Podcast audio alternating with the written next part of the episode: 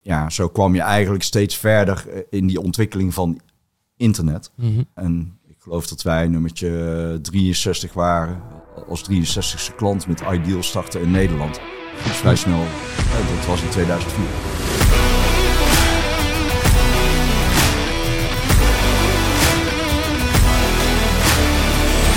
Yes, dames en heren, welkom weer bij een gloednieuwe aflevering van Racing the Bar. Mijn naam is Bart en naast mij zit natuurlijk weer favoriet van de show, Stef Jansen. Dag lieve mensen, welkom. Ja, aflevering 52. Het eh, blijft maar eh, een mooi aantal eh, worden. We hadden twee weken geleden al een soort van jubileum, maar eigenlijk is dit het echte jubileum. Qua cijfers wel, ja. Qua cijfers ja. wel. Dus ja, ja, eh, daar hebben we maar gewoon meteen een eh, speciale gast voor uitgenodigd. Een hele goede eh, uitgenodigd, Dat, dat is natuurlijk hoe wij dat dan doen. En tegenover ons zit eh Raoul van Dun, welkom. De Welkom jongens. medeoprichter van, eh van Suitable. Dus eh, mooi dat je er bent. Ja, Eh, mooi om te mogen zijn. Ja, nee, Graag gedaan. uiteraard meer, meer dan welkom. Graag gedaan. Ehm, zou je misschien even in het kort kunnen vertellen over je bedrijf, wat, eh, wat het precies is en wat het doet? Nou, ik heb vroeger ooit een bedrijf opgericht, heet Suitable. En Suitable houdt zich bezig met verkopen van en ontwikkelen van herenmode. Ja. Herenkleding zeggen we vaak, want mode is vergankelijk en kleding gaat langer mee. Mhm. En wat voor mensen moeten we dan aan denken binnen de herenmode? Zijn dat eh, de jonge jongens of de mannen? Of... Nee, wij richten ons eh, enerzijds eh, op een aantal persona's. Hè. Dat is eigenlijk je marketingmix waar je naar gaat denken. En dan denk je in doelgroep. En die doelgroep probeer je dan te kaderen. En eh, wij hebben, hebben waar we start, eh, je wil altijd de jeugd bedienen. Maar de jeugd is echt vergankelijk en die is niet loyaal. Mhm. Dus uiteindelijk hebben we gekozen voor een doelgroep die na de jeugd komt. En dus wij pre- spreken van eh young urban professionals Ja. tot eh, senior. Oké. Ehm, nou, dat is al een, eh, een mooie, mooie mond vol, maar ja, daar kom je natuurlijk niet zomaar. En dat is, eh, dat is denk ik het meest interessante. Wij, wij richten ons natuurlijk op de, op die jonge, ambitieuze gasten die wellicht ook eh, een, eh, een carrière ambiëren in het Ja. vak eh, waar jij in zit. Potentiële Ehm, klanten ook misschien? Ja, ja zeker, zeker, dat ook. Oh, ze zijn allemaal klanten. ja, ja. Maar goed, eh, het is denk ik heel interessant om in te zoomen op hoe dat proces bij jou is gegaan. En hoe, eh, nou ja, uiteindelijk dat, dat hele avontuur van, eh, van start in de studententijd, geloof ik, tot, Ja. eh, tot waar je nu bent. Ehm stap je daarvoor nog? Eh, wanneer dacht jij van, hey, ondernemen, dat, eh, dat is wel iets voor mij? Ehm, ja, dat, dat begon eigenlijk al ergens eh, op de lagere school. Met handeltjes die dreven destijds nog cassettebandjes. Die Oh, wauw. importeerden vanuit een, België naar Nederland. Mhm. kleine stapjes. Maar dan krijg je wel het gevoel dat je ja, leuk vindt om in ieder geval te gaan handelen. En ja, Waren dat dan is het echt- ondernemerschap ook wel vrij snel. eh, dat je iets meer wil en dat je jezelf weer ontwikkelt. En zo groeit dat eigenlijk door. Mhm. Ja. Dat waren dan echt losse bandjes zonder Ja. iets erop? Of wel met muziek en klaar? waren eh, bepaalde TEAC-bandjes, die waren niet verkrijgbaar in Nederland. En, Ah. eh, in België wel. Ja. Ja, exclusieve bandjes. Hoe was je daarachter gekomen toen dan? Dat dat niet in Nederland verkocht werd? Want jij woonde Nou denk ik... goed, je had toen destijds nog geen internet. Hè? Dan praten we over de jaren tachtig. Dus eh, gewoon in je netwerk op school, eh de lagere school, Ja. eh, had dat niemand ooit gezien. Dus vandaar, dat is vrij simpel. Ja, Ja. wel grappig. Ja, Goed en verhaal. even om duidelijk te maken, het is niet verstandig om daar nu nog in te stappen, lijkt me. Het is nu, Nee, iets, minder, dat is nu voor- iets minder relevant. Ehm, dus niet alles eh letterlijk nemen wat hier- kennen, kennen de meeste mensen helemaal niet. Nee, nee, het, het, eh, nee, het zijn wij niet, eh, niet Nee. veel. Maar goed, ehm, nou ja, het is al best wel op een jonge leeftijd dus dat je wel merkt van oké, dat, eh, dat handelen, dat zit er wel in. Ja, vaak heb je dat als ondernemer. eh, Dat is ook wel vaak. Wil je het worden of ben je het? Hè, de- Mhm. Als je het wil worden, dan gaat het al vaak niet goed. Eh, je, zit het, je bent het eigenlijk. Hè, want het bloed kruipt waar het niet gaan kan. En, eh, en dit is gewoon echt wel dat je. Ja. Ja, dat, dat komt er wel uit. Dan, Waarin, denk ik. waarin ging dat toen zich vormen? Want welke keuze heb jij gemaakt qua studie na Ja. de... Ik heb eh, fiscaal recht gestudeerd. Mhm. En eh, dat is natuurlijk een, eh, een, een, doodzaaie studie als je ja, heel veel letters moet lezen, de, de wetbundels bij moet houden en alle jurisprudentie. Ehm, daarin wel een, een combinatie met bedrijfseconomie. En bedrijfseconomie is dan wel meer cijfermatig inzicht van hoe een bedrijf zou moeten werken. Ja. En eh, ik vond dat een goede basis eigenlijk om breed onderlegd te zijn. Eh, en ik vond fiscaliteit destijds ook interessant. Mhm. Gaan werken destijds als fiscalist, maar dat beviel eigenlijk totaal niet. En ja, zo groei je toch weer terug naar je passie wat je neergezet hebt in je studententijd. Want ik heb tijdens mijn studententijd eigenlijk een bedrijf opgezet. En eh, zo geprobeerd eigenlijk om ja, stukje bij beetje te sparen. En te zorgen dat je weer iets hebt. En eh, ja, En hoe is, dat dan, hoe is dat dan begonnen met je bedrijfje? Nou, eh, simpel met een aantal kledingstukken waar behoefte aan was. Dat was in destijds was dat voornamelijk eh gala kleding. Dus smokings en rockkostuums. Die hadden we gewoon op een rekje hangen in de studentenkamer. En nou, dat begon met een rekje van vier pakjes. Mhm. En dan verkocht je weer wat. En dan kon je er weer een paar pakjes bij halen. En zo groeide dat al vrij snel dat het niet meer paste. Ja. Dus er moesten er eh, meerdere rekjes komen. En toen ja, werd het uiteindelijk een nou, goed jaar daarna een winkel. En zo groeide dat eigenlijk. En bre- breid je assortiment uit. En dan denk je van nou, niet iedereen loopt elke dag in een galapak. Dus Nee. dat is niet zo heel handig. Dus laten we ons eens even verbreden in de collectie die, eh, ja, die me wel dagelijks kan dragen. En Mhm. ja, zo vorm je eigenlijk een, een collectie die ja, voor iedere moment de juiste stijl biedt. Dus jullie hadden toen tijdens de studie al een pand waarin jullie eigenlijk eh, Ja. wat jullie huurden, waar Ja, jullie verkochten. eerste instantie die studentenkamer. En Ja. toen eh, een pandje gevonden. Eh, eerst een klein pandje eigenlijk buiten het centrum van Maastricht. En toen tweede stap gezet naar een, een, een, een echt professioneel winkelpand. Mhm. Naast de Bijkorf ook. Met goede loop. En dan wisten we ook dat we iets gingen verkopen. Hoe, En- waar keek je dan naar, naar bij het kijken naar zo'n pand? Want ja, je moest ergens een keuze maken van daar wil ik gaan zitten met mijn winkel. Ja, eh, als je ergens woont, dan weet je eigenlijk ook wel waar de mensen lopen die geïnteresseerd zijn om te kopen. Mhm. En dan, dat is eigenlijk gaat het in een, in een stad om een, maar een paar straten. Dus dat is niet heel moeilijk. En dan is het het geluk hebben dat je een, een pand vindt wat jou past. Qua interieur of uitstraling of eh, wat je naar jouw zin kan maken. En dan nog redelijk betaalbaar is Ja. op het risico wat je wil lopen. Je had Ja. het eh, voor de aflevering daar ook al over. Voor, eh, voor mensen om nu een winkel te beginnen. Ja, Hoe zou je dat, als iemand jou de vraag stelt van ik wil een winkel beginnen, wat zou jij zeggen? Nou, eh, ik denk dat een winkel tegenwoordig niet meer zo is dat mensen daar eh, zomaar naartoe komen lopen. hè. Dus je moet eh onderscheidend zijn. Daarnaast, wil je een winkel beginnen, dan moet, je, moet je afvragen, wat is je marketingmix? Wat zijn al je P's? Dan zijn er meer dan, dan dat je op school geleerd krijgt. Maar ehm, ja, eh, dan is de P van promotie eh, is al meteen internet en of socials. Waarbij je eigenlijk naar je onderscheidend karakter al heel vlug moet waarmaken.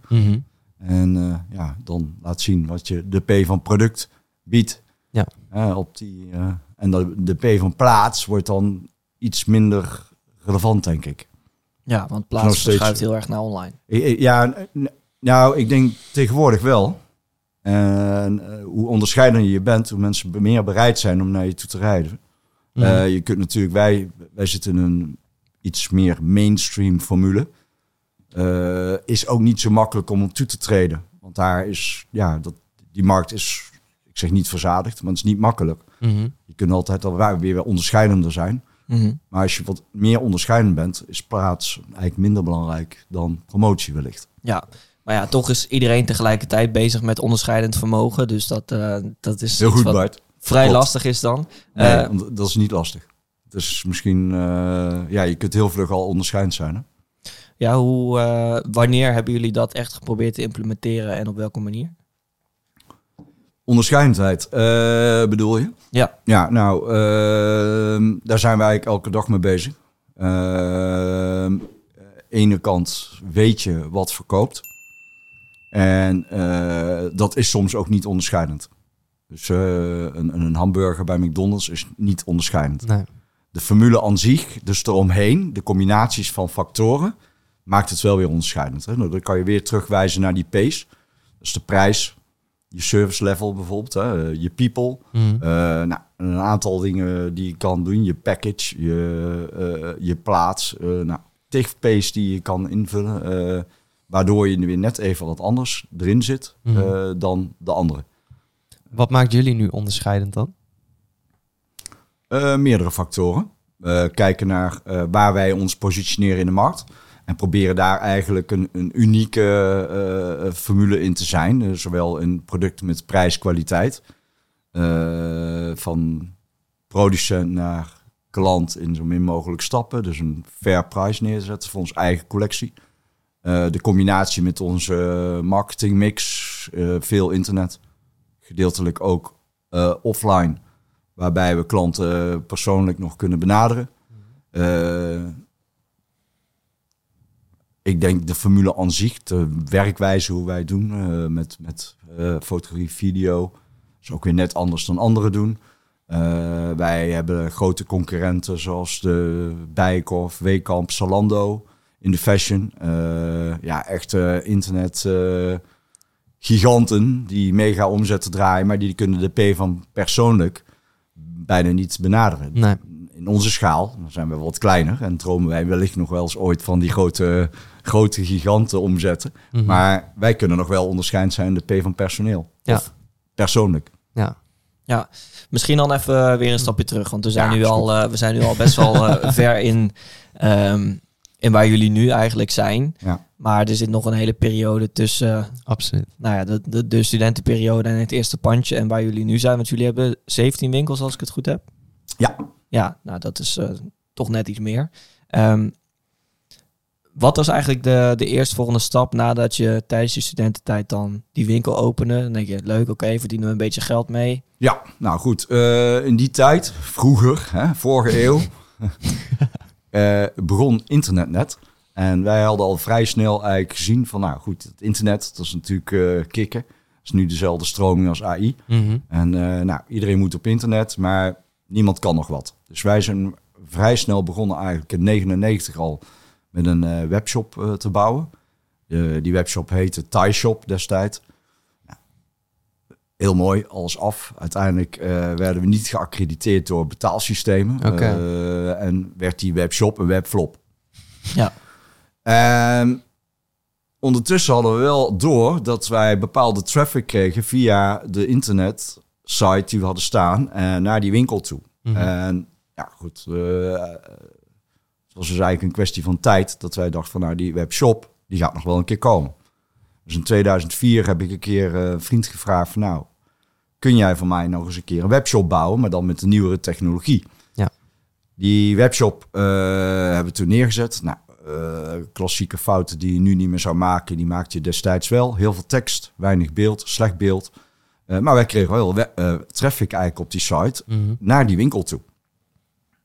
Dus vanuit de online kwamen ze naar de winkel toe Ja. om te kopen. Ja, dus wij hadden nog weinig conversie online. Mhm. En eigenlijk wel een conversie in die winkel.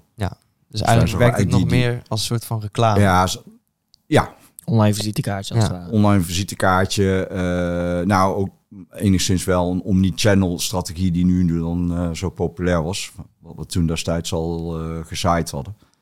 En ja, zo kwam je eigenlijk steeds verder in die ontwikkeling van internet. Mhm. Eh, en ik geloof dat wij nummertje 63 waren. Als 63ste klant met Ideal starten in Nederland. Dus vrij snel, eh, dat was in 2004. Ja. Ja. Dus ja, zo begon dat destijds eigenlijk. Nou, in 2008 kwamen we tot de conclusie dat het wel een stukje professioneler kon.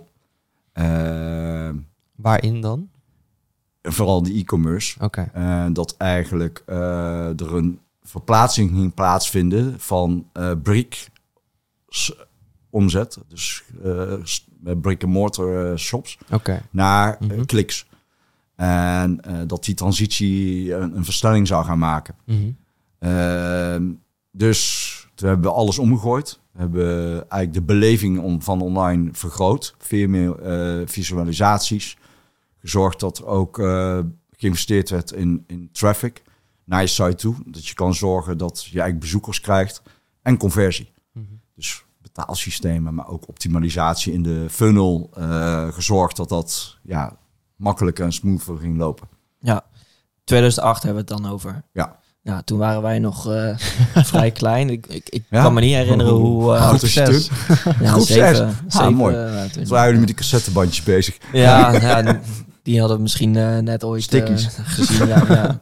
Maar Toen kwam de Blu-ray DVD uit. ja, Mhm. zoiets. zoiets. maar goed, ik kan me niet meer helemaal voorhalen hoe de websites er toen uitzagen. Maar als ik het zo hoor, dan, dan klinkt het alsof jullie steeds bij die technologische ontwikkelingen er al heel vroeg bij waren. Ja, wij zijn zeker eh, wel early adapters in veel. eh, we zijn niet de eerste, we zijn ook niet de uitvinders eh, van dingen.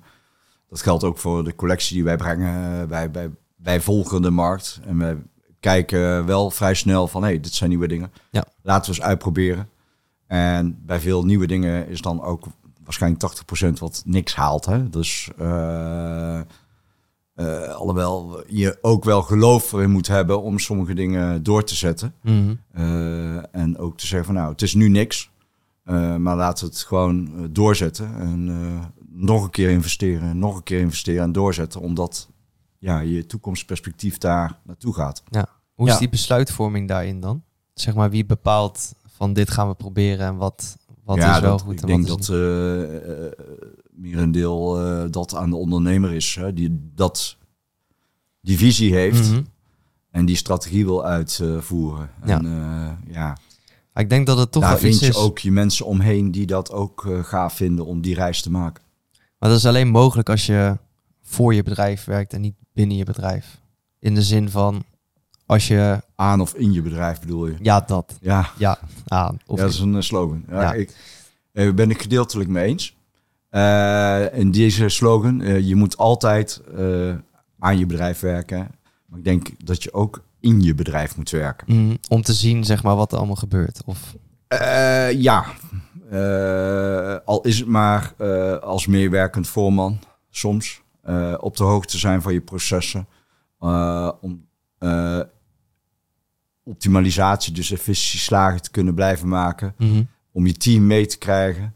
Als je het hoog van de toren blijft doen dan, eh, en je bent alleen maar netwerken, dan is het wel moeilijk om je team van je mensen mee te krijgen. Dus Ja. dat, dat doe je ook in je bedrijf en niet Ja. alleen aan je bedrijf. Oké. Ja. Ik heb wel dat inf- is mijn wat, idee. eh, wat informanten gesproken die eh, ook in jouw bedrijf werken. En die, Ja? die eh, zeggen ook Ah. dat ze dat waarderen aan, aan jou. Dat je daar ook op de werkvloer ja, ja. bent. Dus dat, eh, dat bevestigt eh, bij deze inderdaad jouw, eh, jouw uitspraak. Ehm, terug naar 2008. Eh, die, die webshop hebben jullie veel, veel nou, resources ingestoken. Jullie zien, oké, die transitie is bezig.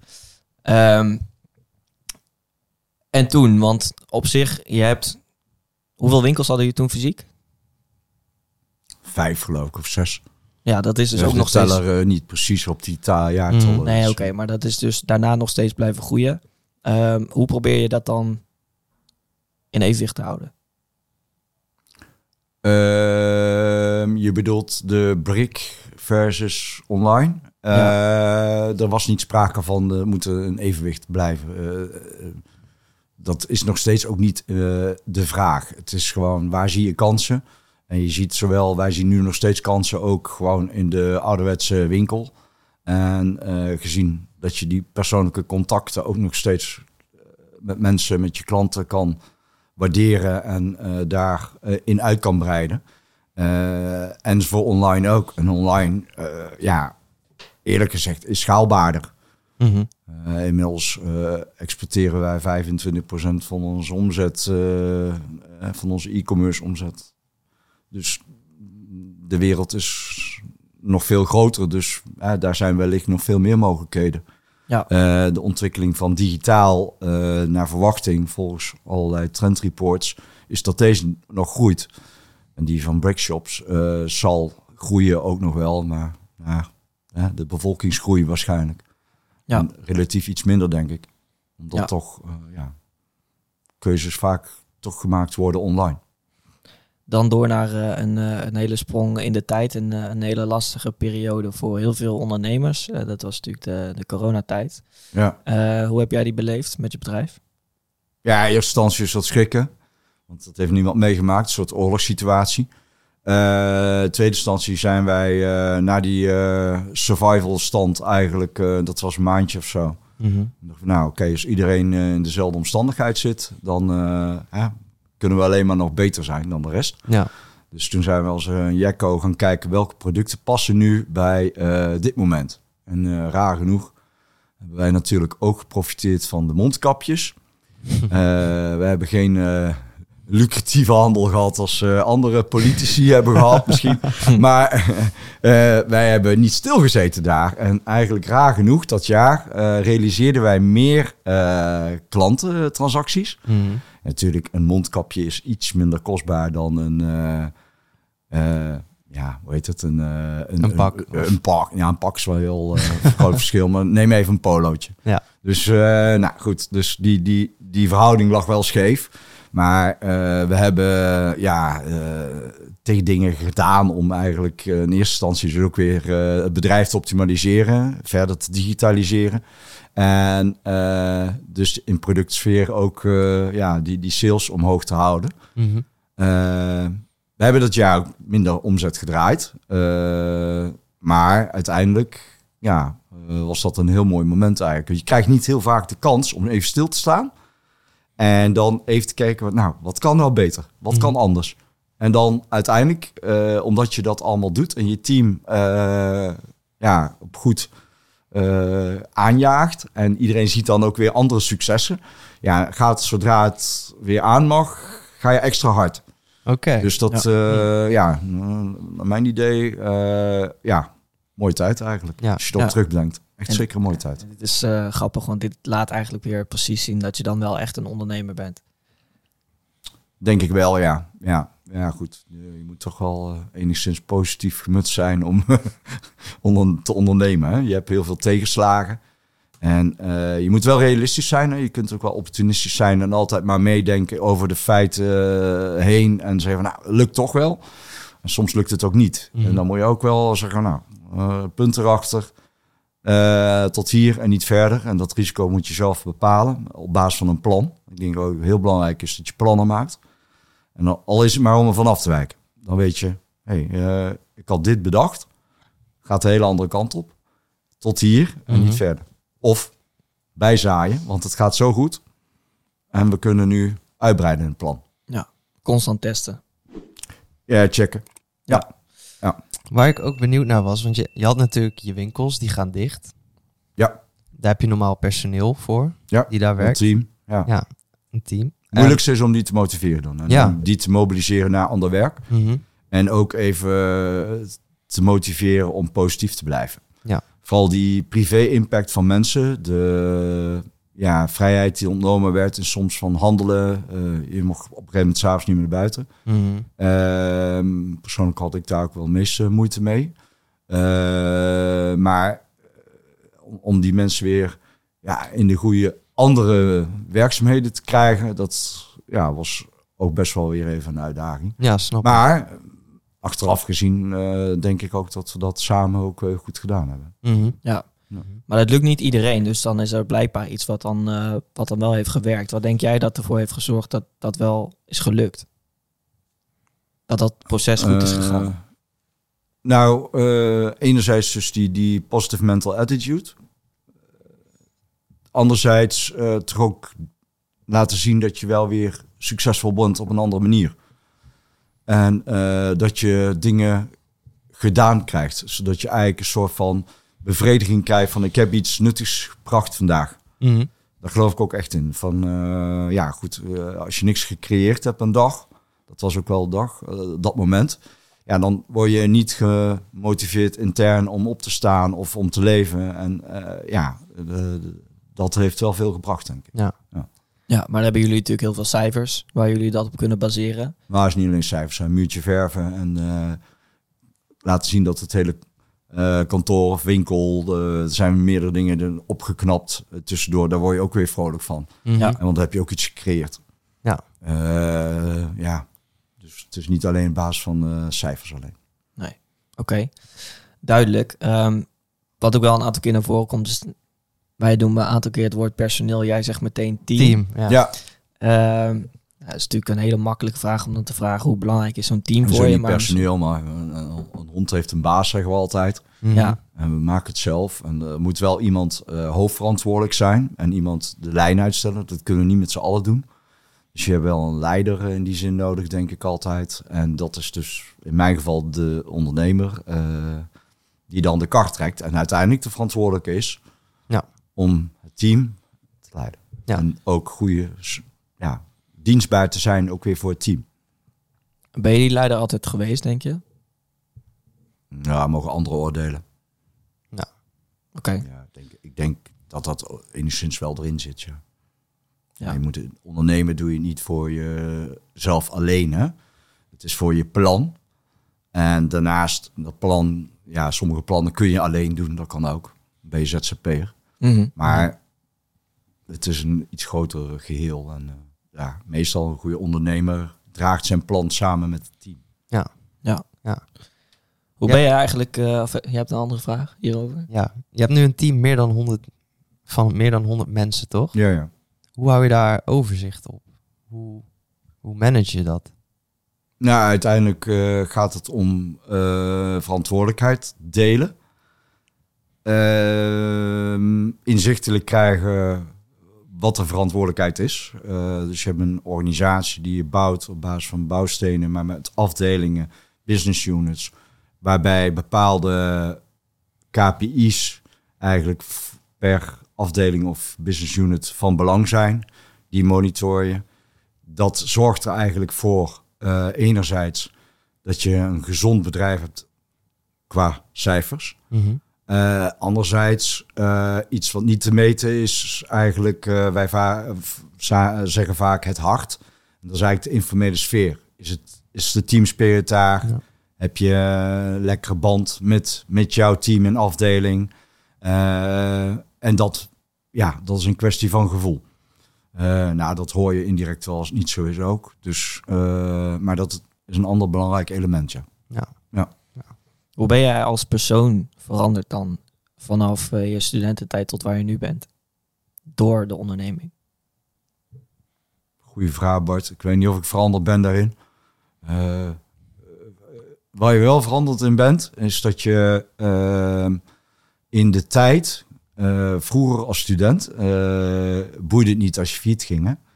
Dat, dat is, eh, dus geld is dan een, heeft een andere waarde dan later. En eh, niet zozeer dan nu dat je dan bang bent dat je geld kwijtraakt, maar wel je verantwoordelijkheid eh, die je hebt, ook voor je team, maar voor de hele keten waar je mee werkt.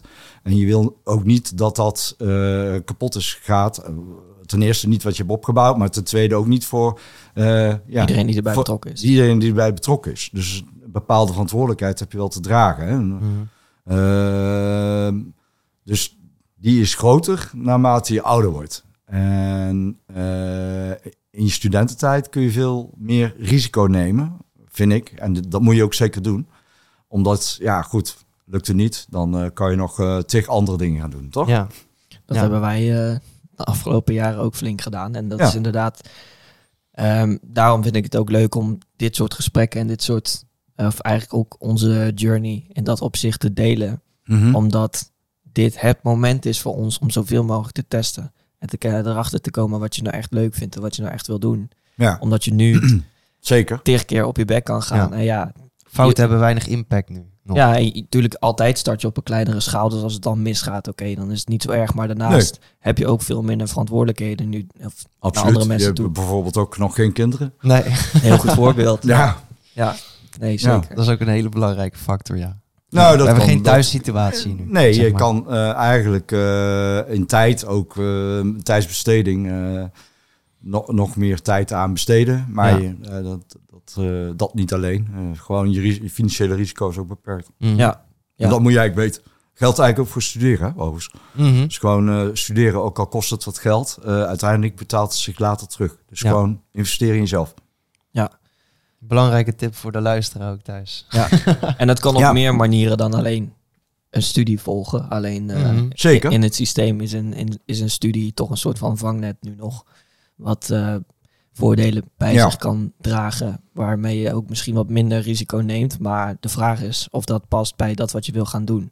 En dat is misschien iets waar niet iedereen over nadenkt. En dat mensen snel toch maar het pad volgen wat de meeste mensen volgen. Terwijl dat niet per se voor iedereen het pad is. Ja. Nee, dat klopt. Eh, je kunt ook best eh, succesvol zijn zonder studie, denk ik. En eh, daar zijn ook zeker voorbeelden van. Ehm, ik denk wel dat je dan eh, op andere wijze informatie en, en dus ook kunde en kennis moet gaan opdoen. eh, om bepaalde vaardigheden en ook kennis op te doen om te kunnen handelen. Mhm. Ehm, ja, Het is ook lastiger, denk ik, zonder. Om, Ja, ligt eraan. Hè. Sommigen sommige beginnen gewoon en, en krijgen hun, eh, hebben een, een schaalbaar idee of in één keer een boost en kunnen dus kennis inkoop, inkopen. Mhm. Dus het, het sluit er niet uit, echt niet. Maar eh, ja, goed, mm, het is ook niet onverstandig om een stukje opleiding te hebben, eerlijk Ja. gezegd, toch? Ja, nee, oké. Maar naast dat jij nu hele andere verantwoordelijkheden hebt, heb je ook hele andere eh, taken, hele andere kennis daarbij dan Ja. toen je begon. Zeker. Hoe heb jij die kennis vergaard dan? Eh, ik heb wel wat opleidingen gehad. Ik heb eh, eh, enerzijds die, die, die universiteit afgerond. Dus dan heb je wat kennis van het recht en van bedrijfseconomie op een bepaald niveau. Mhm. Toen heb ik daar een, master nog gedaan in business planning. Op de universiteit ook nog achteraf. Dus twee jaar deeltijdopleiding geweest nog. En heb ik nog een, eh, een aantal jaren geleden nog op uh, Nijrode een opleiding gedaan. Maar, eh, ook een masterclass eh, entrepreneurship. Oké. Dus wel redelijk wat opleiding gehad. Ja. Ja. Wat leer je dan in die, in die masterclass? Daar ben ik wel benieuwd naar. Want op de universiteit heb je ook wel eens gewoon minors entrepreneurship. Maar ik moet zeggen, die ik heb gedaan, vond ik niet heel indrukwekkend. Eh, wat, wat kwam daar dan aan bod? Nou, eh, eh, ja.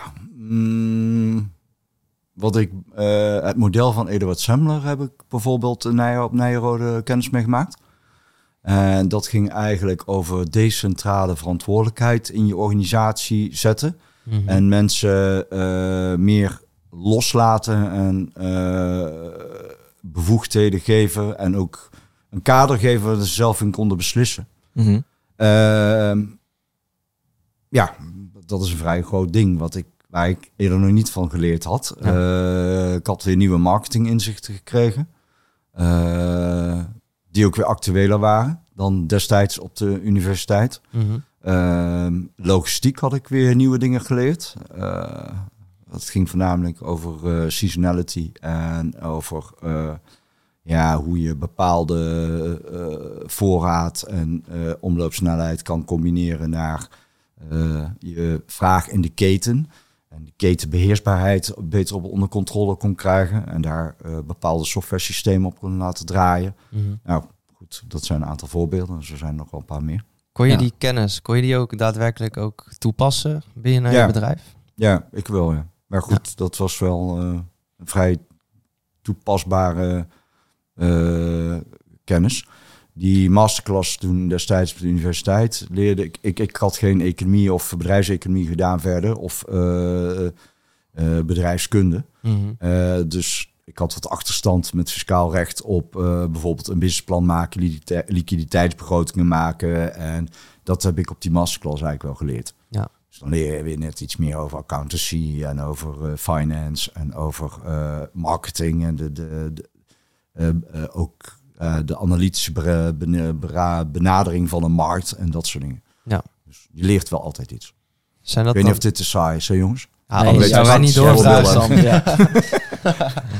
Maar zijn dat dan die dingen die heb je allemaal geleerd, maar lijkt me sterk dat je die ook allemaal zelf uit kan blijven voeren. Daar heb je wel dat team voor nodig, toch? Ja, zeker, absoluut.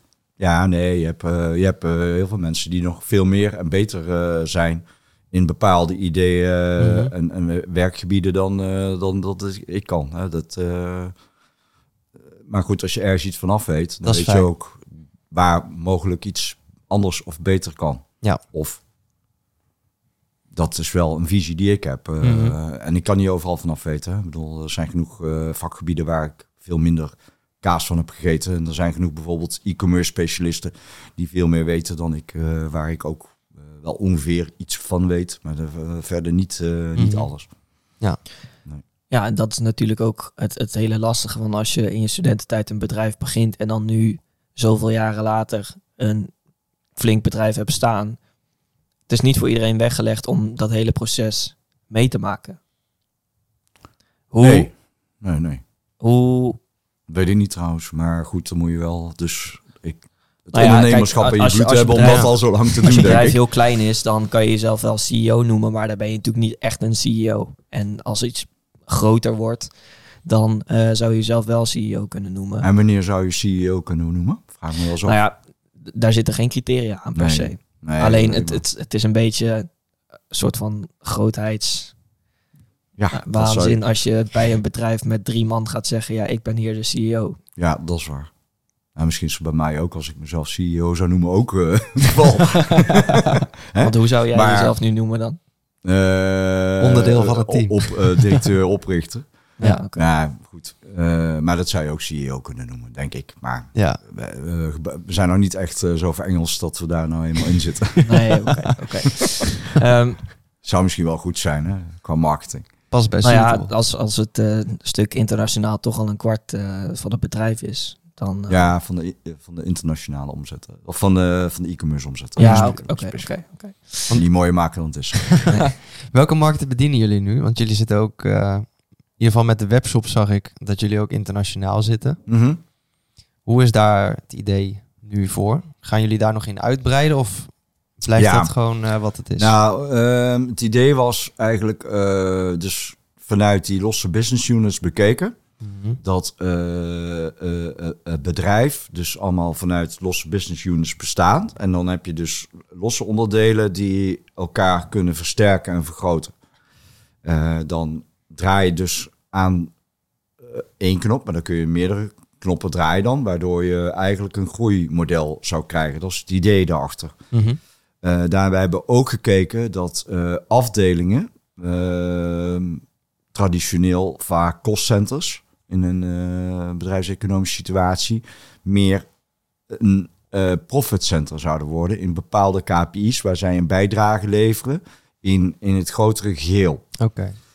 Ehm, Heb je bijvoorbeeld over een klantenservice, Mhm. dan is dat traditioneel vaak een kostcenter. Mhm. Eh, ik heb gekeken naar welke KPI zorgt ervoor dat zij een bijdrage leveren aan eigenlijk de groei van het bedrijf. Mhm. En dan heb je het over de Net Promoter Score. Dat is eh, eigenlijk eh, de waardering die klanten jou geven. En hoeveel, in ik weet niet of het bekend is, maar eh, klanten waarderen jou van 0 tot 10. Alleen de 9 tot 10 zijn je promoters. Die vertellen eigenlijk jouw verhaal weer verder aan een ander. Van ik heb dit bij die gekocht. Mhm. En daar wil je op groeien. Eh, daar hebben wij een doelstelling op. En dan weet je ook van nou, als de klantenservice daaraan werkt, dat wij eigenlijk mensen, in ieder geval die bij die klantenservice komen, eh, eh, dat kan zijn enerzijds voor de klantreis en beantwoorden van vragen om een, eh, een kledingstuk uit te zoeken. Of anderzijds misschien met een klacht. Die klacht zo dusdanig goed om te turnen naar een tevreden klant weer, dat ze eh, een 9 of een 10 geven. Ja. Nou, dat is dus veel waard, want dan krijg je terugkeer aan de klanten. Mhm. En heb je dus eigenlijk van je kostcenter een profitcenter gemaakt. Daarnaast hebben wij inzichtelijk gemaakt wat de bijdrage is van een contact met een klant. Dus heeft iemand een telefoon, zien we, hey, login, zien, koppel. hey, frek, die man die koopt en uiteindelijk koopt hij nog vaak. Mhm. Want die is tevreden. Daar, daar gaat het ook om. Eh korttermijn klanten hebben wij natuurlijk een internetbedrijf altijd. Maar wij zijn blij en daar werken we ook voor om een terugkerende klant te krijgen. En dan is de vraag natuurlijk, hoe doe je dat? Ja, dat is dus één die eh, NPS, dus klanttevredenheid hoog houden. Eh, loyaliteitssystemen implementeren. Eh, volgen hoe, wat je klanten doen. En hoe volg je dat? dat is data. Dus het volgen op jullie website dan, hoe ze reageren. Eh, ja, onder andere. eh, we hebben niet de tijd om eh, ieder individueel klant te beoordelen. Dat, Mhm. dat werkt ook niet zo. Je hebt het over manier van werken van klanten en klantgroepen. Dat kan zijn op basis van, wij hebben een indeling gemaakt op basis van stijlgroepen. Dus wat, waar is de voorkeur van die klant? Maar ook waar bevindt zich die klant? Is het een nieuwe klant? Is het een bestaande klant? Is het een klant, zeer trouwe klant? Mhm. Eh, en daar hebben we een stukje personalisatie op toegevoegd. Eh, ja, wij hopen ook echt eh, oprecht dat wij klanten hebben die meerdere keren dus terugkomen, omdat ze dus dat allemaal waarderen. Ja. Ja. En dat ben- begint eigenlijk ook met een stukje duurzaamheid van het product wat je verkoopt. Hè, dat product moet niet eh, vandaag gedragen en morgen kapot zijn. Dus eh, ja, dat, dat is natuurlijk ook heel erg belangrijk. Dat je zorgt dat het product Mhm. klopt. Ik ben er wel heel benieuwd als je, want je hebt het over het stukje personalisatie. Je had het ook over dat die hele grote bedrijven eh, waar jij ooit ook eventueel naartoe wil. Nou, Eh, nee. Ik hoef niet zo groot te worden. Oké, maar ehm, dat jullie wat persoonlijker kunnen zijn. Ja. Maar belangrijk. hoe doe je dat online? Ja, dus bijvoorbeeld door eh, zo'n customer service. Eh, wij kunnen mensen assisteren in een online klantreis. Eh, we kunnen het persoonlijker maken voor je. Dus meer relevant. En de boodschap iets meer toegespitst op wat jouw voorkeuren zijn. En ook op welke fase jij eh, bijvoorbeeld in je customer journey eh, bent. Eh, kijk, ben je in de oriëntatiefase, dan heeft het weinig zin om jou enorm lastig te vallen met eh, allerlei eh, boodschappen. Terwijl als je wat later in je customer journey bent, in de aankoopfase of beslisfase, dan zullen we iets andere eh, boodschap geven. Ja. En Ja. verander je dat dan per pagina, omdat je weet, eh, later in de funnel komen ze natuurlijk in bepaalde pagina's terecht? Of is dat, hoe moet ik dat voor me zien? Eh, online is dat meer eh, bijvoorbeeld op socials, waarbij je re- retargeting inzet. Eh, dus dat werkt niet direct op de, op de homepage het wel tegen kunnen komen. En je kan het op de site ook wel tegenkomen op product detailpagina bijvoorbeeld, waarbij jouw voorkeuren iets meer naar voren komen. Oké, wil niet zeggen dat dat alleen maar persoonlijk is, want dan word je te veel in één weg geduwd. Terwijl eigenlijk wij geloven er ook in dat eh, smaak voor eh, zich kan ontwikkelen en eh, kan verbreden en voor sommige situaties juist weer kan versmallen. Eh, een heel goed voorbeeld is Gala. Gala is vrij uni- universeel. Wij doen dat volgens Europese kledingetiketten. En dan kunnen wij daarnaast wel een, ja, een heel feestpak van iets anders laten zien, maar dat hoort niet zo. Dus dat heeft ook geen zin. Nee. Oké, Eh, die data die is natuurlijk eh, heel veel. Dat is iets waar heel veel bedrijven mega op sturen. Ehm, Mooi. ja, ja, ik ben even aan het kijken hoe ik dit ga, hoe ik dit ga formuleren. Is dat al in 2008 meteen een ding geweest waar jullie ook heel, op, heel erg op zijn gaan inzoomen tijdens het eh, uitbreiden van zo'n webshop? Wij hebben altijd vanaf de start gedacht dat data eh, key is om je onderneming te runnen. Dus data en eh, eigenlijk een plan, daar begint het mee. En een plan, eh, ja, dat uit zich ook al meteen in data. Zowel in geschrift als in cijfers. Ja, ik ben gek op Excel. Excel is echt ja, een mega leuke tool, vind ik. En ja, daarin kun je dus een groter plan kleiner maken, eh, in tijd zetten, in, eh, in doelgroepen zetten, maar ook bijvoorbeeld in producten zetten. Nou, dan maakt het makkelijk om dat plan weg te zetten. Mhm. Uiteindelijk is data dan de key om te kijken of wat je plan eh waarmaakt. En uiteindelijk om weer nieuwe plannen te maken. Ja. En, en zo een, bijvoorbeeld een rolling forecast te maken of een ja, inschatting te maken op heel veel gebieden.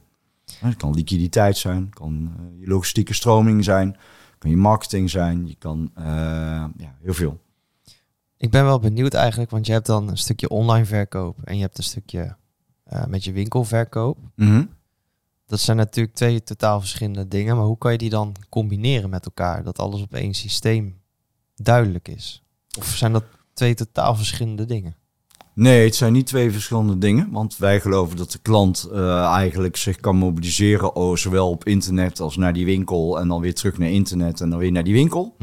Eh, klant eh, komt ons tegen via Google en komt bij ons op de website, ziet er niets, gaat naar die winkel, checkt, hey, het is er niet, want wij kunnen niet van het hele totale assortiment in die winkel proppen. Mhm. Want het zijn maar boutiquejes van eh, 100 tot 200 vierkante meter. Dus we moeten keuzes maken. Overigens geloven wij ook dat wij helpen in een keuze te maken voor die klant. Eh, maar dan eh, gaat die klant dus weer eh, via een internetcel, eh, krijgt hij een bestelling, krijgt hij thuis. Hij bedenkt zich, komt weer Mhm. terug naar die winkel en wordt weer in die winkel geholpen. Ja, Ja. dat is een customer journey die we helemaal technisch in één ERP-pakket, zo heet dat, eh, dan een, een logistiek financieel pakket allemaal afgehandeld wordt. Mhm. En daar zie je dus eigenlijk ook één klant, één eh, transactie of meerdere transacties op die klant. Ja. En ook dus het grotere geheel, want anders ja, wordt het natuurlijk moeilijker om te combineren. Klopt. Zou je ook anders kunnen doen hoor. Je zou kunnen zeggen, nou we gaan het via een, externe data warehouse eh, weer bij elkaar brengen. Dat is ook niet zo heel moeilijk. Je zei al, ehm, nou, jullie waren er en vroeg bij bij het stukje, het stukje internet. Eh, je noemde al even AI. Op welke manier speelt AI nu dan een rol bij jullie? Nou, eh, AI is natuurlijk eh, dit jaar wel echt heel erg hot. Dus dan in je visie denk je ook, nou oké, tot eh, ondernemen, dat is mooi. Want het gaat efficiëntie brengen, het gaat snelheid brengen. We hebben een arbeidsmarkt die krapte geeft. Dus zo kunnen we misschien dingen weer oplossen. Mhm. En eh, ja, goed gezien onze technische voorliefde, eh, is dit ook wel weer een kans om eh, snel te kijken en te adopteren.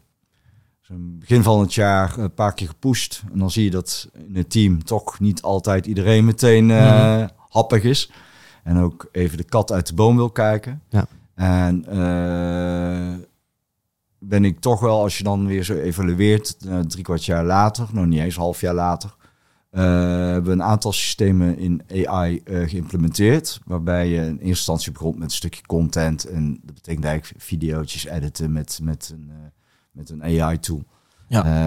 hebben we nu bepaalde dingen geïmplementeerd om content te verrijken. Mhm. Vrij specialistisch ook. Eh, dat eh, moet ook alweer een concurrentievoordeel gaan geven. Eh, ook internationaal. En een ander iets is dat wij dus nu sinds een goede dikke maand nu AI hebben lopen op de customer service. Eigenlijk ook om ja, te zorgen om klanten beter, sneller van dienst te kunnen zijn Mhm. met, ja, met dezelfde krachten die wij bezitten om, om de klant te kunnen helpen. Die AI-machine is nog aan het leren. Eh, daarnaast eh, helpt het ons wel bijvoorbeeld om internationaal eh, snel te kunnen schakelen. Want eh, voorheen moesten we dan een ander extern tool weer vertalingen doen. Mhm. En dat we nu eigenlijk in die AI ook al opgelost. Ja. Dus dat, is- dat is al een winst die we hebben. En die andere zal vrij snel, geeft hij al best wel redelijke antwoorden in die customer service. En zo zijn we eigenlijk nog aan het kijken, wat kunnen we nog meer doen. Eh, iedere afdeling, ja, dus de programmeurs werken ook met AI. Maar dat zijn gewoon oproep eh, eh, dingetjes die, ja, zelfs zoals ChatGPT, die, ja, die roep je een keer op en zeg, nou maak een contractje voor X of stel Ja. een paar Mhm. programmeerlijnen of kun je dit anders programmeren. Eh, die, die, die, die promptjes, die, die doet ieder voor zich eigenlijk. Ja. Ja. Oké, Hoe, interessant. merk je nu dan ook dat iedereen welwillend is om daarin mee te gaan, in die ontwikkeling? Of is dat nog steeds ja, iets wat... nee, nee, eh, nee, je ziet dat dus echt wel een kentering. Want het, daar Ja. iedereen wel een beetje enthousiaster na een half jaar. mhm. Dat is wel leuk om te zien, moet ik Ja, zeggen. tuurlijk. Ja, dat is echt wel eh, kicken. Wat denk jij dat dat nog... ehm, nou, dat is lastig te voorspellen. Dat is eigenlijk misschien... Nou, ik ga hem toch stellen nu. Denk je dat het in de toekomst ehm, ook bepaalde taken weg gaat nemen? Of denk je dat het altijd... Nee. Ik denk dat de taken gaan veranderen. Mhm. En eh, in de fase van nu, eh, daar zal wel ontwikkeling komen, moet je AI nog controleren. Ehm, en wil je dat ook nog eh, AI laten leren. Dus Mhm. de toekomst zal daar denk ik wel anders in zijn, want dan is AI ook weer volwassen geworden. Nou goed, ik wil niet zeggen dat het dan al helemaal uitgeleerd is, maar, hè, want ik ben ook nog steeds niet uitgeleerd. Maar eh, dat zal wel eh, een andere rol gaan krijgen. Ja. En dan zullen mensen eh, ook weer andere rollen krijgen. Dus, eh, Kan je misschien nog meer focussen op die persoonlijke, Zeker. persoonlijke touch? Ja, zeker, absoluut. Dat is een, zeker een kans. En ja, ik, ik weet nog niet zo goed hoe ver het zal gaan. Maar je kunt bijvoorbeeld ook nieuwe markten bedenken met AI. Hè? Dus de, ja, waar mensen dat vroeger deden, kun je, kun je dat vragen. Ja. Ik weet niet of dat het antwoord is, maar eh, Je kunt het daarna wel overwegen. je kan het overwegen, ja, zeker. En, eh, nou, goed, dus, eh, ik geloof nog steeds wel een menselijke rol. Als het inderdaad die persoonlijke contacten nog steeds zijn. Ja. ja. Heb en je, onder, initiatief nemen ook, hè? overigens. Mhm. heb je onderweg nooit verleidingen gehad van andere businessmodellen? Dat je dacht, oké, misschien is dit toch iets wat of beter bij me past. Of waar toch meer geld te verdienen is. Of eh, iets in die richting. Mm, jawel, zeker. Eh, zie je veel dingen, eh, andere kansen. Eh, ja, tig. Eh, in mijn fiscaliteiten, daar had ik wel een systeem bedacht. Uiteindelijk, als je veel klanten zoekt, dan is een belastingbetaler zijn het meeste. En die zijn er ook in dubbele vorm zelfs. Zelfs een hond betaalt belasting. Dus dat is, eh, en dan zijn er nog entiteiten en eh, ieder individu is ook nog voor meerdere belastingen plichtig. Dus dat is een hele grote groep. En eigenlijk is er maar heel weinig, voor heel weinig mensen belastingadvies beschikbaar. Dus, en degene die, die dan belastingadvies zouden willen, kunnen dan alleen maar bij een overheidsinstantie terecht. Dus ja, daar zal wel daar zal een mooi businessmodel in eigenlijk nog. Ja. Om daar iets van te maken. Schrijf mee. ja, ja, is best interessant. Ehm, nou, voordat de hele hype op zonnepanelen kwam, had ik daar nog een ideetje over. Nou, zijn wel tegen ideetjes. Ik kom wel dingen tegen, Ja. ook in het buitenland. Denk ik van, hé, dat is gaaf. kan je hier ook wel doen. En wat doe je daarmee? Nou, nu niks. Nee, nee focus eigenlijk op wat ik, eh, dat geloof ik, ik geloof wel in focus. En Ja. niet eh, verbreding. Eh, dus focus en daarin doorzetten, doorbijten. En eh daaraan gaan en niet voor niet. Je hebt in jouw business al best wel wat verwateringen. En het is ook best lastig om de focus te houden. Mhm. Maar op een gegeven moment om je, om je heen waarvan je denkt, oké, dit is wel iets voor jou hier. eh, dan eh, pak ik daar een, een percentage in en dan gaat het maar mooi uitwerken. Nee, nou is dat sowieso niet. Nee, niet, niet financieel gedreven. Eh, ik heb wel eens een eh, vriend gevraagd om een eh camerasysteem te ontwikkelen. En die heeft daar een heel mooi bedrijf op gezet. eh, wat wereldwijd eh, opereert en eh, wat, wat zeer succesvol is. Eh, maar niet dat dat, dat is meer omdat ik een behoefte had. En dan, eh, hij is daarmee aan de gang gegaan en hij heeft dat technologie en dat is ook zijn ding. Ja. Ja. Dus ja, niet van nou moet ik daar nou eh, geld aan verdienen. Nee, absoluut niet. Oké. Dus, eh, dat is ook altijd een, denk ik, een eh, niet de juiste eh, gedachte. Ehm, om, om ideeën voor je te houden. Ideeën zijn ideeën. En dat is eigenlijk pas iets waar als het er iets gedaan mee wordt. Ehm, words are dear and deeds are there. Dus als je niks doet met je ideeën, dan komt het ook nooit daar. Mhm. En ik denk die twee moeten wel met elkaar gecombineerd worden om tot iets te komen. Ja, want van alleen maar praten gebeurt niet zoveel. Nee, nou dat is wel vaak hè. En ook dromen is wel heel goed, denk ik. eh, om uiteindelijk weer ergens tot doen te komen. Mhm. En dan mag je best wel een keer vallen, want als je niet valt, dan eh, Ja. Heb jij... kom je niet hoger. Zeg jij maar, zeg maar. Wat is dan jouw droom? Ja. Mijn droom. Waar wil je naartoe? Ja, dus de Big Harry, eh, dat vind ik altijd een hele lastige. Ik heb altijd gezegd, eh, die is een beetje eh, eh, niet tastbaar genoeg, maar een bekend kledinglabel neer te zetten, waarbij we merendeel van de Nederlandse man en misschien ook wel de Europese man eh, in aanraking laten komen, om dat in ieder geval te dragen. Ja. Dat is eigenlijk mijn eh, droom. En zou je dat Eh. dan ook onder dezelfde naam willen uitvoeren? Of dat Ja, dan- dit is die naam waar ik mee bezig ben. Dat is nog steeds die focus op, op, op dat bedrijf. Ja. En dat zo goed te doen dat je gewoon ook eh, eigenlijk nul teleurstelling hebt op klant. Eh, ja, nul is bijna niet mogelijk, maar daar gaan we wel streven. Je wil de klant winnen.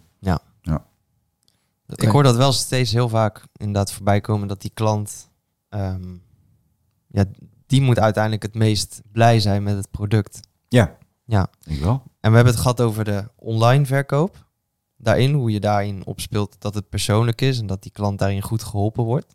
Ja, kan ook eh, onpersoonlijk zijn. Hè? Dus het is- Kan ook. Ja. Maar hoe zit dat ehm, stukje met de daadwerkelijke fysieke winkels nog? Want dat is natuurlijk, daar hebben we het eigenlijk niet over gehad. We hebben het nu over online gehad. Hoe zorg je in de winkel eigenlijk dat zo'n klant de juiste ervaring krijgt? Nou, ehm, ten eerste hopen we dat we een leuke winkelbeleving hebben. Mhm. Met een, eh, enerzijds een, een, be- een uitstraling die passend is bij de markt die we bedienen. En eh, wij kijken ook wel per regio welke markt best passend is. Zo hebben wij een net andere touch aan die winkel eh, in Den Bosch dan bijvoorbeeld in eh, Rotterdam. En eh, waarbij we daar een iets meer urban eh, stads eh, uitstraling hebben met iets eh, jongere uitstraling, meer trend. Mhm. Waarbij we hier weer net een andere collectie hebben die passend is bij een Burgondisch leven. Ja. Zo zien we dat. Ja. Ehm, het team wat daar staat. eh, dus de informele, gezellige sfeer. Mhm. eh, belangrijk. Moet niet hoogte van de toren blazen. toegankelijk zijn. Die drempel moet voor iedereen open. geen drempel zijn eigenlijk. Je moet zo naar binnen kunnen lopen en naar buiten. Ehm, ja, en dan eh, hopen dat je van top tot teen zo goed mogelijk bediend wordt. Mhm. Eh, en in je kracht gezet wordt als man eh, door het team wat we hebben. Ja. En daar geloven wij ook wel in van, nou ja goed, we zijn een bedieningszaak daar. Wij zijn dan anders dan dingen, dus we helpen je graag. Als je niet wil geholpen worden, kan dat natuurlijk ook. Maar we helpen je graag om die keuze te maken en daar de afweging te maken, zowel passend bij jouw lichaam, eh, lichaamsbouw, jouw karakter en de stijl en het moment waar je voor wil kleden. Duidelijk. Dan Zo ben ik eigenlijk wel heel benieuwd eh, om dan eh, maar eens naar de, de kernvraag eh, te gaan. Wat zijn dan de dingen waarvan jij nu denkt... Oh ja, had ik dat maar eerder geweten? Of had ik dat maar toen, dat ik, goeie. toen ik een jaar of twintig was geweest? Of Er zijn best wel veel dingen hoor, jongens. Nou ja, we, we hebben nog Achteraf, even. ja, hebben dat is misschien eh, nadeel als je dus, dat is een zeer groot nadeel, als je dus eh, start vanuit je niks naar iets, dan leer je onderweg. En je, je maakt carrière in je eigen bedrijf, maar ook je weet dus niet alles. Dus als je eh, vanuit later terug zou gaan en zegt van nou, ik ga eerst vijf tot tien jaar werken en je gaat dan ondernemen, weet je veel meer. Mhm. Hè, je, eh, tig dingen. Eh, dus dat zou ook misschien best een tip kunnen zijn. Van nou, weet wel, maar on the site ga ik nog werken. Neem ervaring mee. Best in de branche waar je dan zelf actief wil zijn. En dan start ik voor mezelf. Dan leer je, eh, leer je sowieso. En anders, ja, zul je dat gaandeweg, eh kom je dan dingen tegen. Ja, goed. Ehm, op ieder vlak leer je dus continu. Eh, een van de dingen is, eh, soms moet je niet te zuinig zijn in te investeren. Eh, en kun je beter iets hogere investering maken en een begin, om er achteraf niet weer extra kosten te hebben. Mhm. Dat is wel een belangrijke tip. Maar in wat voor situatie is dat dan? Nou, dat kan zijn van een winkelinterieur. In het begin timmer je dat zelf in elkaar. Uiteindelijk denk je, ja, hm, als ik nou achteraf had geweten dat een nieuw interieur eh, kost misschien iets meer. Eh, maar levert uiteindelijk ook meer op. En zo zijn er verschillende fases dat je denkt van, nou oké, eh, als je dat wat skeer aanpakt in het begin, komt er later ook wat skeer eruit. Ja. Ja. Dus misschien moet je overwegen om toch iets meer lef en risico te nemen in het begin. En dan eh, ja, heb je dus ook later minder eh, herinvesteringen. Ja. Mhm. Maar dat geldt niet voor alles. Dat is qua inkoop bij nieuwe partijen. Is dat wel weer een Nee, ja, zo, sowieso nooit, eh, nooit bij alles. Eh, maar ja, wat, wat leer je nog meer?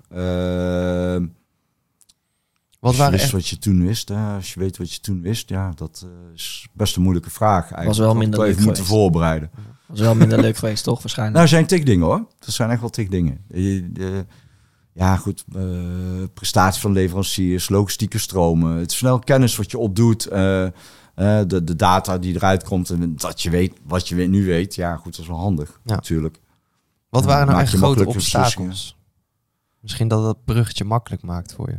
dat is een goede vraag. Uh, financiën is natuurlijk altijd een obstakel. Uh, vooral in, in die zin dat je probeert een winstgevend bedrijf uh, te runnen. Mm ik kom nog uit een tijdperk waar opschalen en dergelijke en mega omzetten met burn, burn rates niet zo van die tijd waren.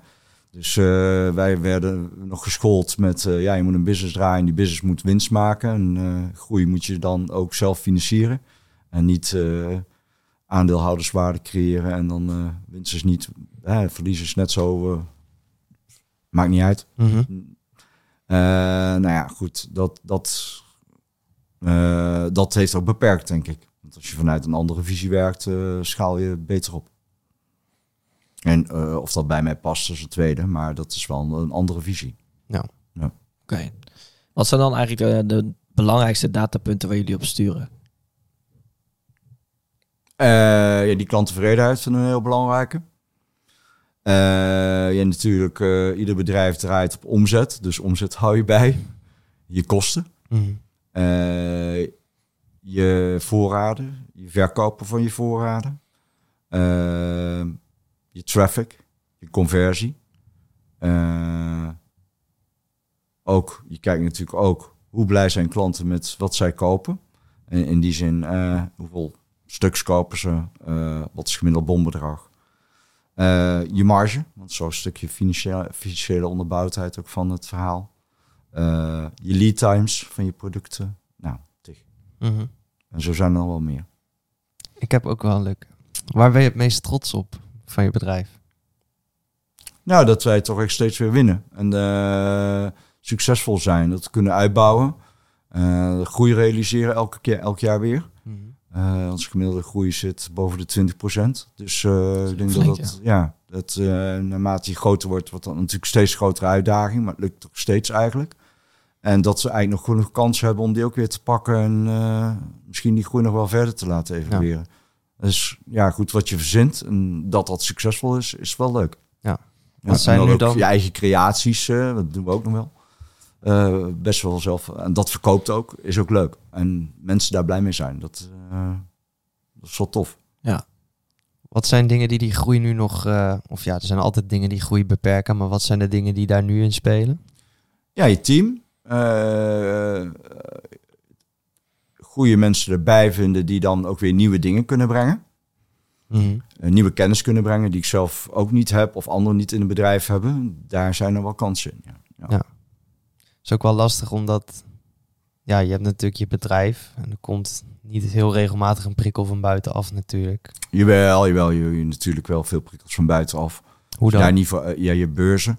Je hebt je mhm. netwerk waar prikkels vandaan komen. Uh, gelukkig zijn er ook best wel bedrijven die jou weer opzoeken met hun nieuwe ideeën die ze komen pitchen of uh, opsturen. Of, uh, dus dat, daar zijn wel redelijk wat. ja, als je afsluit voor alles, dan is het niet goed. Maar mm.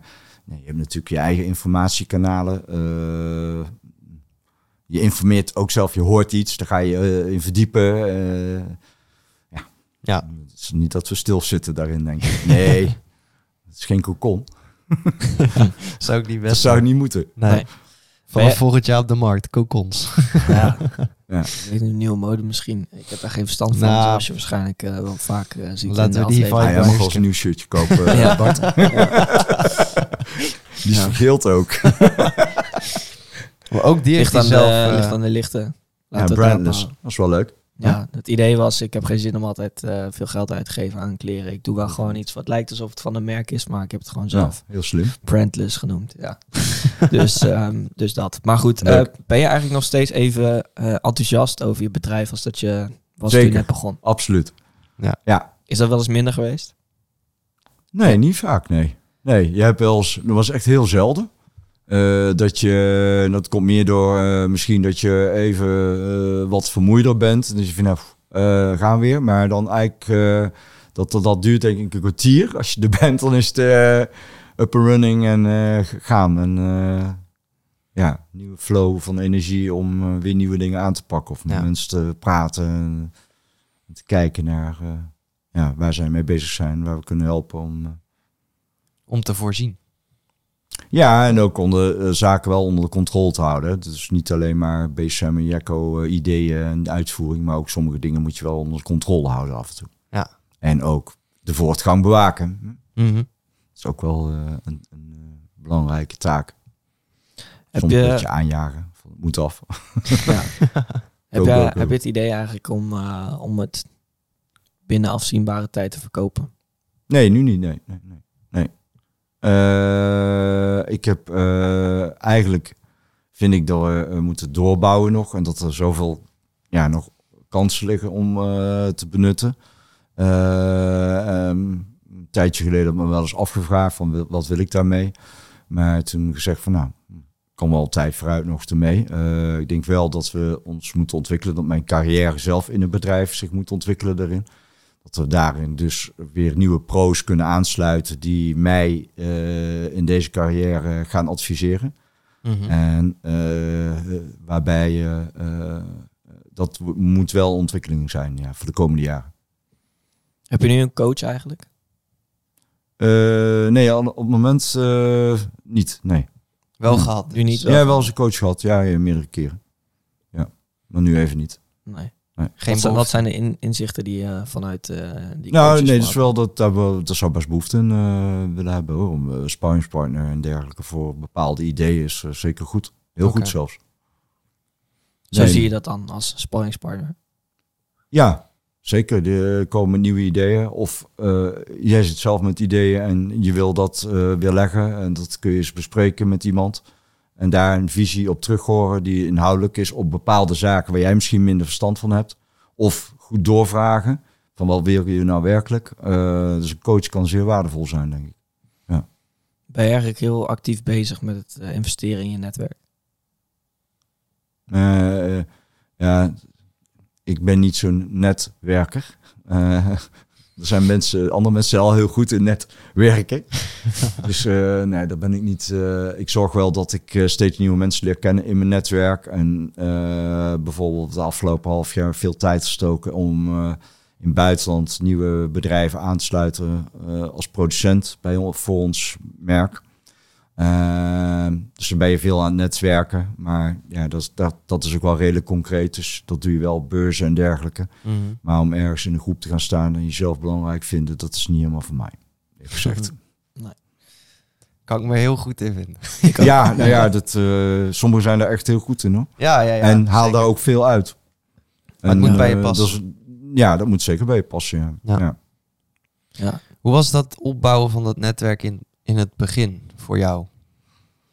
Ging heel natuurlijk. Eh, ja, goed. Eh, op basis van interesse benader je iemand en eh, leg je contact. Eh, Mhm. ook met een oog op een doel wat je wil bereiken. Enerzijds is dat bijvoorbeeld je, je, je supply chain regelen. Dus dat betekent je merken, leveranciers benaderen. Kijk wat ze verkopen. Hoe dat past bij jouw beeld van de collectie. Anderzijds die fabrikanten, dus als één netwerk.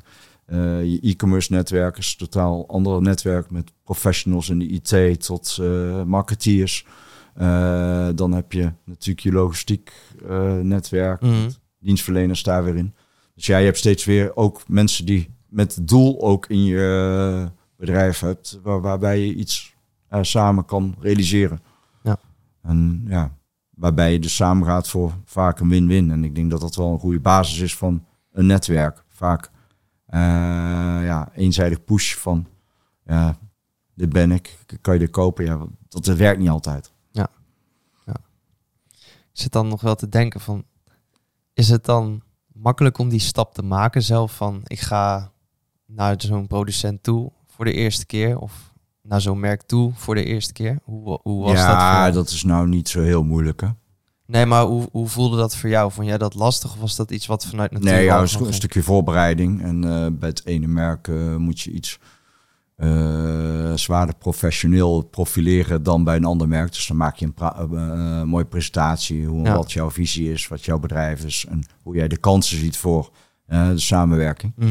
Dat is toch wel een stukje voorbereiding wat kan helpen, denk ik. Wat waren dan dingen waarin jij merkte dat vinden ze belangrijk als ik dat laat zien? Nou, wij hadden een nadeel, dus dat wij de early adapters waren online. Dus bijvoorbeeld voor een nieuwe kledingmerk eh, online te verkopen, daar waren niet zo heel veel voorstanders van. Dus een, bijvoorbeeld een merk als Tommy Hilfiger, dat heeft al wat, even wat geduurd voordat die akkoord gaven om ons te distribueren. Ja. Ehm, ja, daar moesten we echt wel jaren eh, op wachten, eh, omdat men vond eh internetverkopen vies. Mhm. En dat was niet geschikt voor kleding. En ja, nu is het balletje andersom gedraaid. Nu komen ze naar ons en willen graag dat verkopen. En ja, goed, dat gebeurt op een gegeven moment dan. Dus Mhm. de markt is gekanteld daarnaar. Ja. En je ziet dat jij ook een betrouwbare partij bent die gewoon ook ja, op een goede, nette manier doet natuurlijk. Ik denk voor grappig de, eigenlijk als je daarop terugkijkt dat het zo was. Ja. Want Nu draait, draait het er gewoon om. nu is dat het belangrijkste eigenlijk. Ja, Maar ik denk ook voor de luisteraar thuis, zeg maar, die nu denkt van, oh, dit is wel cool, dit verhaal. Ik, eh, ik vind me hier wel in. Weet dat het dan dus gewoon mogelijk is om mensen te benaderen. zeker. Ja, ja, sowieso. Kijk, eh, als je goed voorbereidt, dan zal je misschien een gezonde zenuwen hebben om bepaalde stappen te maken. Mhm. Maar sowieso een voorbereiding en je plan, dus weer dat plan, Ja. eh, helpt je eigenlijk om je te sterken in je eigen visie en ook die, dat vertrouwen uit te stralen. En dat helpt denk ik eh, heel erg om, eh, om contact te zoeken met derden waarmee je wil samenwerken. Ja. Ja. Over samenwerken is ook een win-win voor beide partijen. Als die andere partij het nog niet ziet, wil, ja, dan moet je misschien soms ook wel eens volhardend zijn en nog een keer tweede keer proberen of een derde keer. Mhm. Misschien tijd geven om het de vierde keer nog te, te proberen. Ik wil echt niet zeggen dat het dan afgelopen is. Mhm. Maar wel ook van een, een, eh, ja, respectvolle eh, manier eh, voor elkaars visie. Ja. Want sommigen zijn nog niet klaar voor jouw nieuwe idee. ja, zo zie je het maar Zo. net, met, ook met het voorbeeld wat je net geeft. En toch al eh, blijft bij verhaal, dan denk ik toch dat het ja, naar je toe kan komen.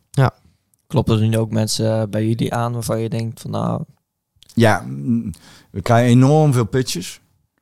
Eh, ik denk, eh, ik zelf al, eh, denk een stuk of 30 per week. Zo, Van bedrijven die een potentiële samenwerking zien, ook voornamelijk vanuit het buitenland.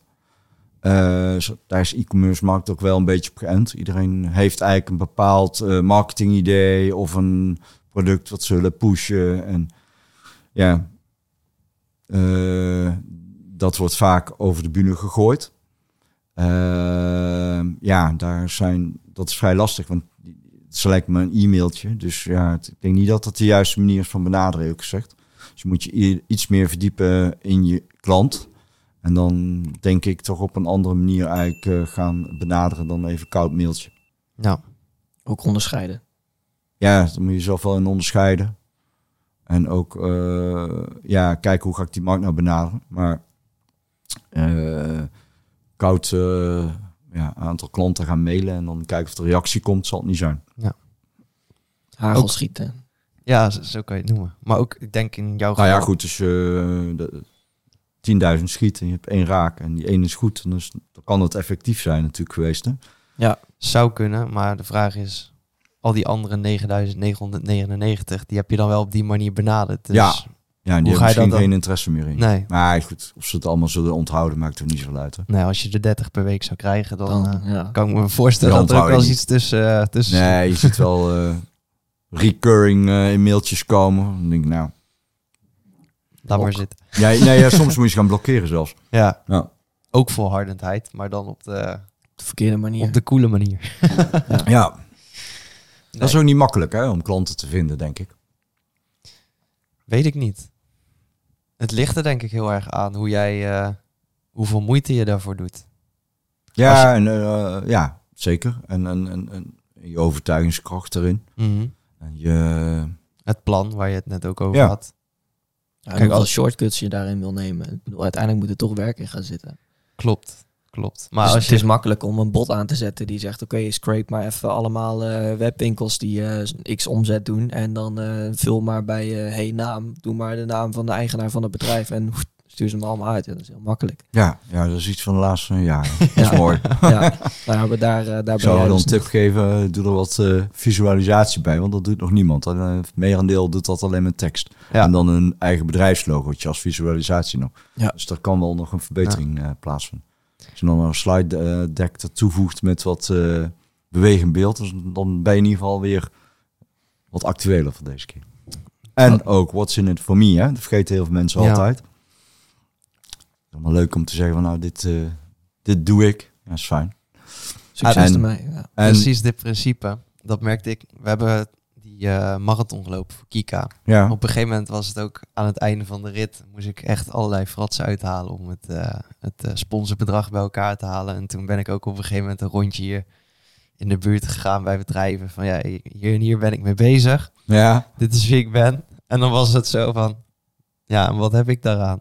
En dan sta je daar zo van, ja, ik zou, eh, dat is echt improvisatie dan. En dan val je gewoon volledig door de mand. Ja, Dus mooi. dit, dit principe wat je nu zegt, dat kan ik echt beamen dat het niet werkt. Ja.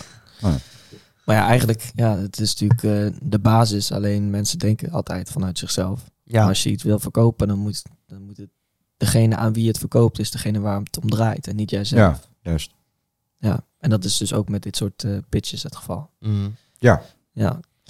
Ehm, dan ben ik benieuwd. We hebben een kwartiertje, denk ik, eh, gehad. Heb jij misschien nog om, eh, gehad om eh, in je achterhoofd na te denken of er nog wat lessen zijn van de, van afgelopen decennia waarvan je denkt die zijn wel interessant voor de jonge, ambitieuze, potentiële ondernemers om, om even te delen nog?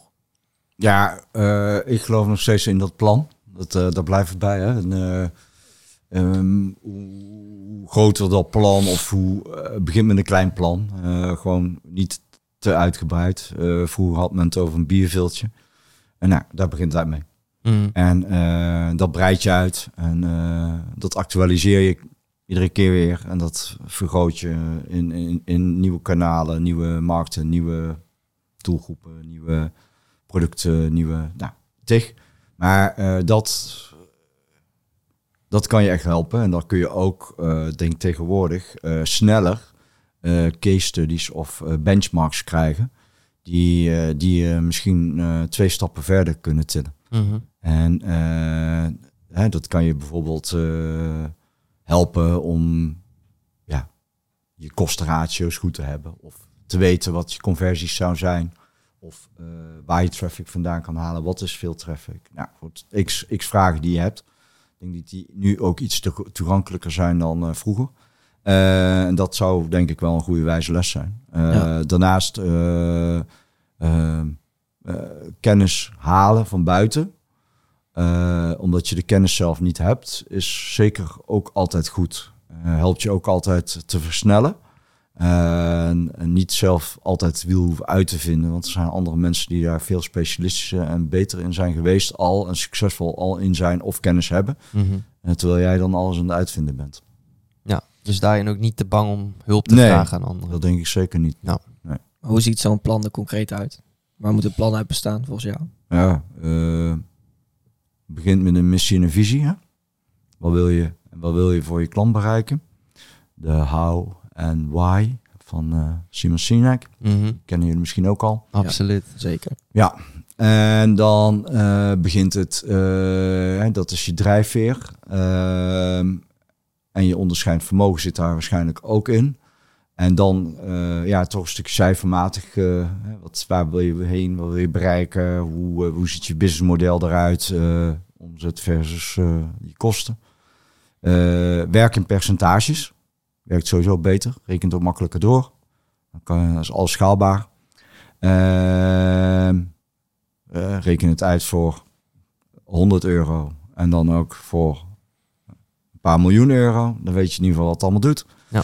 En ehm, ja, dan heb je daar de verschillende onderdelen van een business planning. Hè? Dus liquiditeitsbegroting, eh, marketing, eh, je team. Eh, nou goed.